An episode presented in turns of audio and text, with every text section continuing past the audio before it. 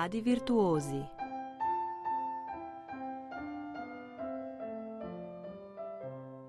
Iz majhnega raste veliko.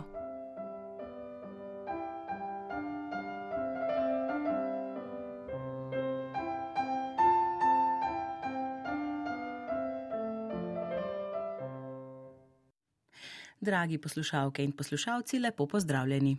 Že od novega leta naprej odaje Mladi virtuozi namenjamo letošnjim prejemnikom študentskih preširnovih nagrad Akademije za glasbo in prav tem jih bomo namenjali še mesec dni.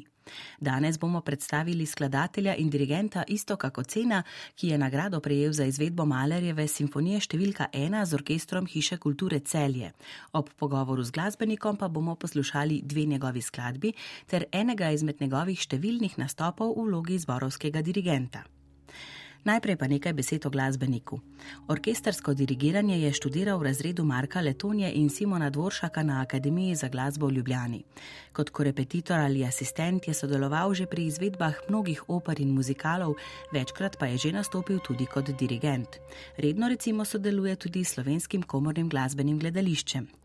Nekaj let je vodil primorski akademski pevski zbor Vinko Vodopivec, s katerim se je tudi udeležil evropskih turnej in mednarodnih tekmovanj.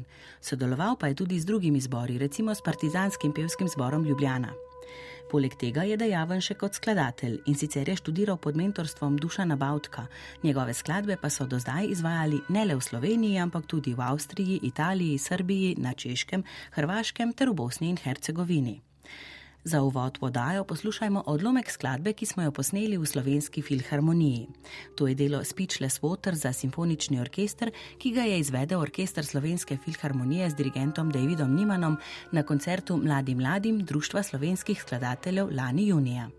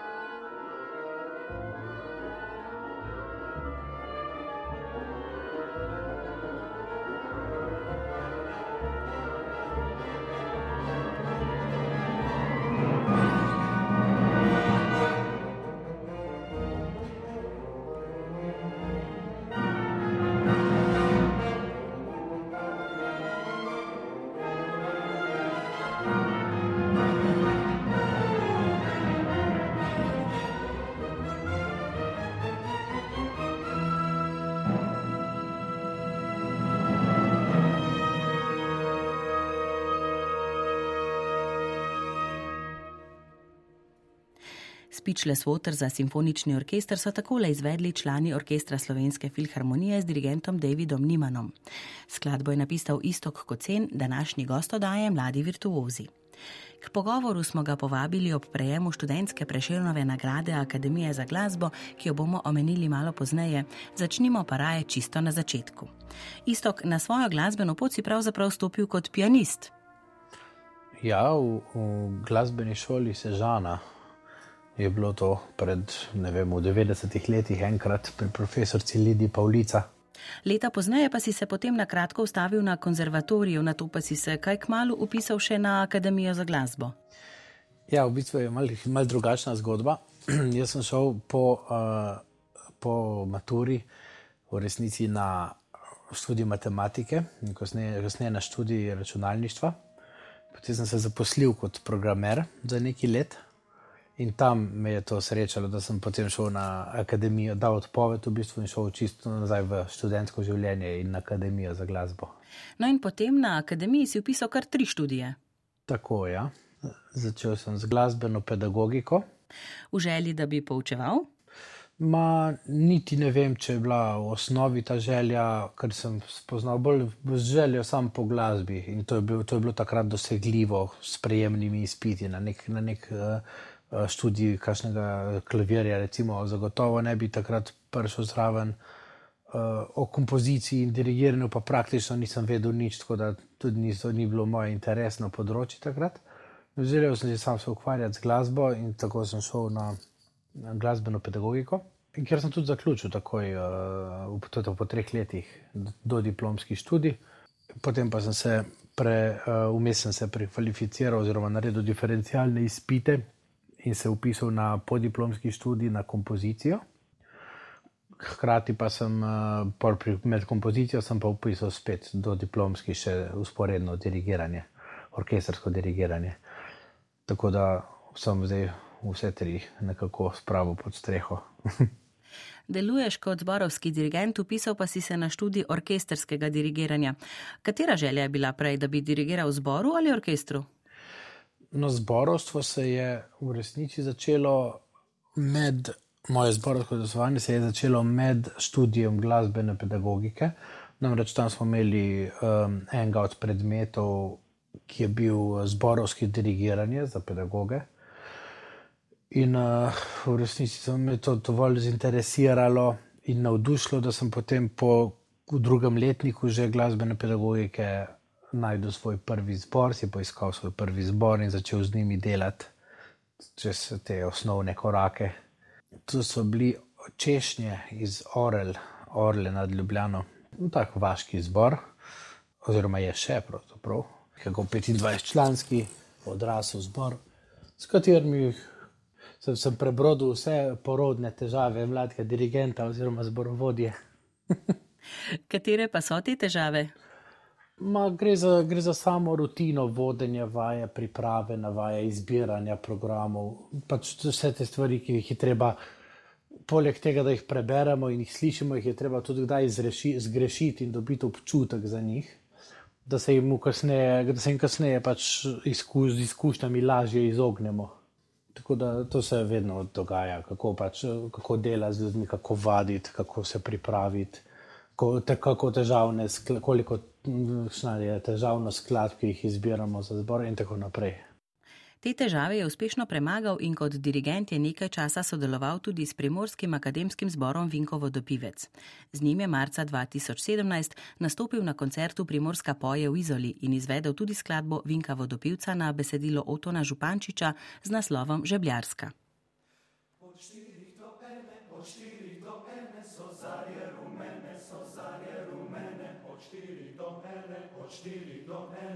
Voda nam kolesa mehove nam žene, med nakli smo sključeni vsi fantje, možje in dekleta in žene. Od štirih do ene že vsi smo izmučeni, vsi smo izmučeni.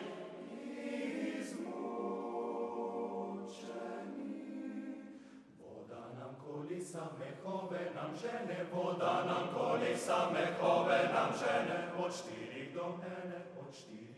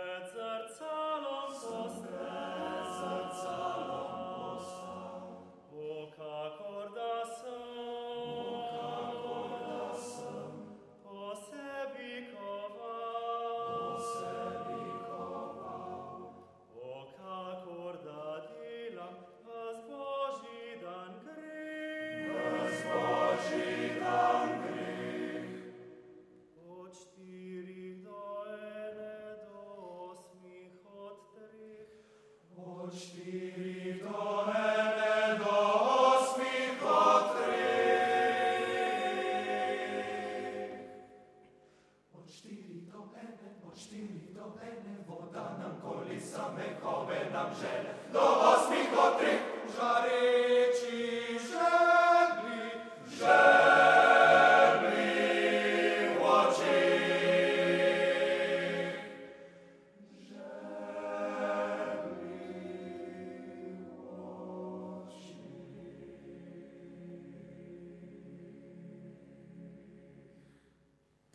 Žebljarsko Vinka vodopivca na besedilo Otona Župančiča je izvedel Primorski akademski zbor Vinko vodopivec pod vodstvom Istoka Kocena, današnjega gosta odaje Mladi virtuozi. Pred to skladbo sva se pogovarjala o zborovskem dirigiranju, zdaj pa načniva še temo orkesterskega dirigiranja, kajti študentsko preširnovo nagrado si prejel za izvedbo orkesterskega dela. Kakšen je ta preskok iz zbora v orkester? Ja, v bistvu je bilo tako, da potem sem jaz uh, zbori sem nadaljeval, na eni točki sem, mislim, da dokaj uspešno šel s to pot, ko sem prišel do zbora Vinko Vodopivec, do Primorskega akademskega zbora. Tam sem si lahko prvoščil že marsikaj, tudi programsko, ni bilo dosti manj omejitev. In na eni točki, ko sem bil v, med študijem kompozicije, sem ugotovil, da imam en manjko tehnični pri dirigiranju in da bi želel to izpopolniti. In sem se v bistvu hkrati mal, verjetno je bila malo je temu potrovalo študij kompozicije, ker sem se spoznal z ogromno orkestrskimi partiturami in splošno z opero, ki mi je tudi zelo blizu zadnje čase. Pa tudi to, da sem zborovstvo nekako že do ene mere vseeno imel blizu in že imel pod kontrolo, sem si želel še malo dodatnega znanja in reč drugačnega znanja, predvsem. Zato sem se odločil, odločil takrat za orkestrsko dirigiranje. Verjetno na začetku niti ne zato, da bi bil orkestrski dirigent, ampak bolj iz tega tehničnega manjka. Um, potem pa, ko znotraj študija, se pa pač nad stvarjo tako navdušiš, da, je, da se greš to ali pa ne, no, sem dve obstajata. Ni srednje poti, po mojem. Malerjeva simfonija. Maler ni skladatelj, čigar note bi človek kar postavil na pult in dirigiral. Kako si se pripravljal na koncert oziroma na dirigiranje izvedbe te skladbe? Pa Maler je dokaj prijazen v smislu uh, za dirigente, zato ker je sam bil tudi dirigent. Um, vse vemo, vse je bil tudi v Ljubljani kot dirigent. Um, tako da dirigentsko je to precej lepo napisano. Um, seveda je študij tega, je pa, ne, mislim, je pa zelo težek in zahteven, sploh za študenta. Uh, predvsem je problem voditi vajo, tako, oziroma take simfonije, to, kaj vaditi, se odločati, kaj se bo samo postavilo, kaj se, čemu se je treba posvečati in tako dalje. Um, tako da v bistvu jaz sem s to partituro, odkar sem zvedel, da projekt bo, to je bilo enkrat januarja, pa februarja tisto leto, uh, to je bilo 2020, sem potem v resnici že kakšno, ja, v bistvu sem imel nekih 8-9 mesecev časa in ta, vse ta čas je bila partitura na klavirju in z mano okrog. Um, mi smo igrali sicer zmanjšano izvedbo, zmanjšano verzijo v priredbi Iana Farringtona za 15 inštrumentov, znotraj koronskih ukrepov, drugače tudi ne bi šlo. Ampak študij, študiral sem pa v resnici iz original partiture, ker, so, ker so takti, taktnice enako postavljene, samo za instrumentacijo gre drugačno. To sem potem v zadnjih dveh tednih uh, se prilagodil temu. In kako si se lotil postavljanja interpretacije? Si recimo poslušal posnetke in te je kak dirigent navdušil, da si mislil, ja, to bi pa tudi jaz. V resnici ne, ker že od nekdaj sem bil trmast in nisem maral poslušati posnetkov. Um, seveda ne, ne splošno, vse čas poslušam glasbo, ampak ne posnetkov, ki jih uh, želim interpretirati. Že pri zboru sem imel to, ko sploh nisem vedel, zakaj to počnem. Tako da se izogibam temu, tej kraji interpretacij, vsaj na določenih točkah, um, ker se mi zdi, da pride malo iz, iz konteksta zadeva. Če vzamemo samo nekaj, kar nam je všeč, ne, pa, ne pridemo pa sami do tega, zakaj bi tako naredili. Tudi to sem sprobil v zbor in tudi to mi je uspešno uspelo polomiti ga v preteklosti. Uh, tako da mislim, da je pač edina, edina varijanta, da je res iti skozi študij in ko si dovolj zrel za neko tako stvar jo takrat jo pač narediš bolj uspešno. Ko si mal premalo zrel, jo tudi spelješ, ampak verjetno manj uspešno. Sem prepričan, da bom, če bom imel priložnost še petkrat z različnimi sestavi dirigirati v prvo, vsakič drugače, do drugačnega zaključka prišel. Pa to verjetno velja tudi za druga dela. Ne? Torej, kako postavljaš interpretacijo in kako potem leta pozneje gledaš nazaj? Absolutno mislim, da sem, mislim, vem že zdaj, da so bi stvari naredili čisto drugače, kot sem jih ne, tri leta nazaj. In sem prepričan, da bom čez tri leta še toliko več vedel in tako drugače razumel stvari, da bi, da bi spet spremenil svojo idejo. Lahko. In se mi zdi to čisto zdravo in nič narobe s tem. Um, ja, pa to je način študija moj. No? Vedno, vedno se poslužujem, se poslužujem uh, se pravi, študija ob klavirju ali pa samo zgolj iz partiture, no? ne, ne s posnetki. Posnetki so neka referenčna stvar za dobiti vtis o zvočnosti in tako naprej ne pa, ne, pa, ne pa v študijski namen, mislim, da tem to ni primerno. No. Je kot neka skrajšana pot. Mogoče zdaj omeniva slovensko komorno glasbeno gledališče. Z njim si začel sodelovati v prvem letniku študija dirigiranja, upeljal pa te je Simon Dvoršak, ki te je med sprejemnimi izpiti slišal govoriti o tem, kako rad imaš opero. V bistvu je bilo tako, uh, slovensko komorno glasbeno gledališče obstaja že vrsto let, je društvo, In ja, to, v bistvu ta, ta del je, ta informacija je točna. Uh, mene je profesor Simon Dvoršak takrat dirigiral uh, novo opero slovenskega skladatelja Tomaža Sveteta, junak našega časa. In me je povabil, že v bistvu pred prvim šolskim dnem dirigiranja, me je povabil, če bi, hm, bi me zanimalo, da bi korepetiral, da bi se spoznal malo z ljudmi in malo z delom pri operi, ker tega prej sploh nisem videl od blizu, normalno. In sem prepričan, da se je za to odločil, glede na to, da me ni mogel odprej poznati, ker me ni poznal odprej. Me je eh, spoznal odprej zgolj potem, da sem za skladbo, ki sem pripravil za um, sprejemne izpite za dirigiranje, je bila neka operna uvertura, takrat, po mojem. Že tako sva se dobila. Pa, pa mislim, da sem malo razlagal od opere in tako naprej, ker tudi na sprejemnih, ko so me sprašvali stvari, sem potem še Eh, sem zapeljal na operno področje, ker imam že od nekdaj to ljubezen no, do opere. Ne od nekdaj, mislim, da tako, od, ampak od preden sem se upisal na akademijo. In potem tisto, mislim, da sem takrat sem se sicer spet porodne težave in tako naprej trudil po svojih najboljših močeh. Smo tisti projekt vozili, pa potem še enega čez kakšno leto, kjer sem bil tudi pianist, to je bil od Stevena McNefa, uh, Nežni velikan, otroška opera.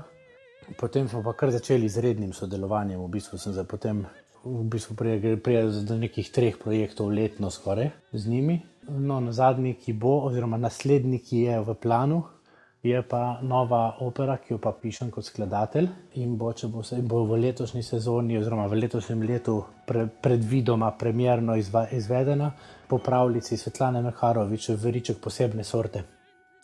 Pričakujemo torej izvedbo, pa upamo, da bo šlo vse po načrtih. Ja, tudi jaz.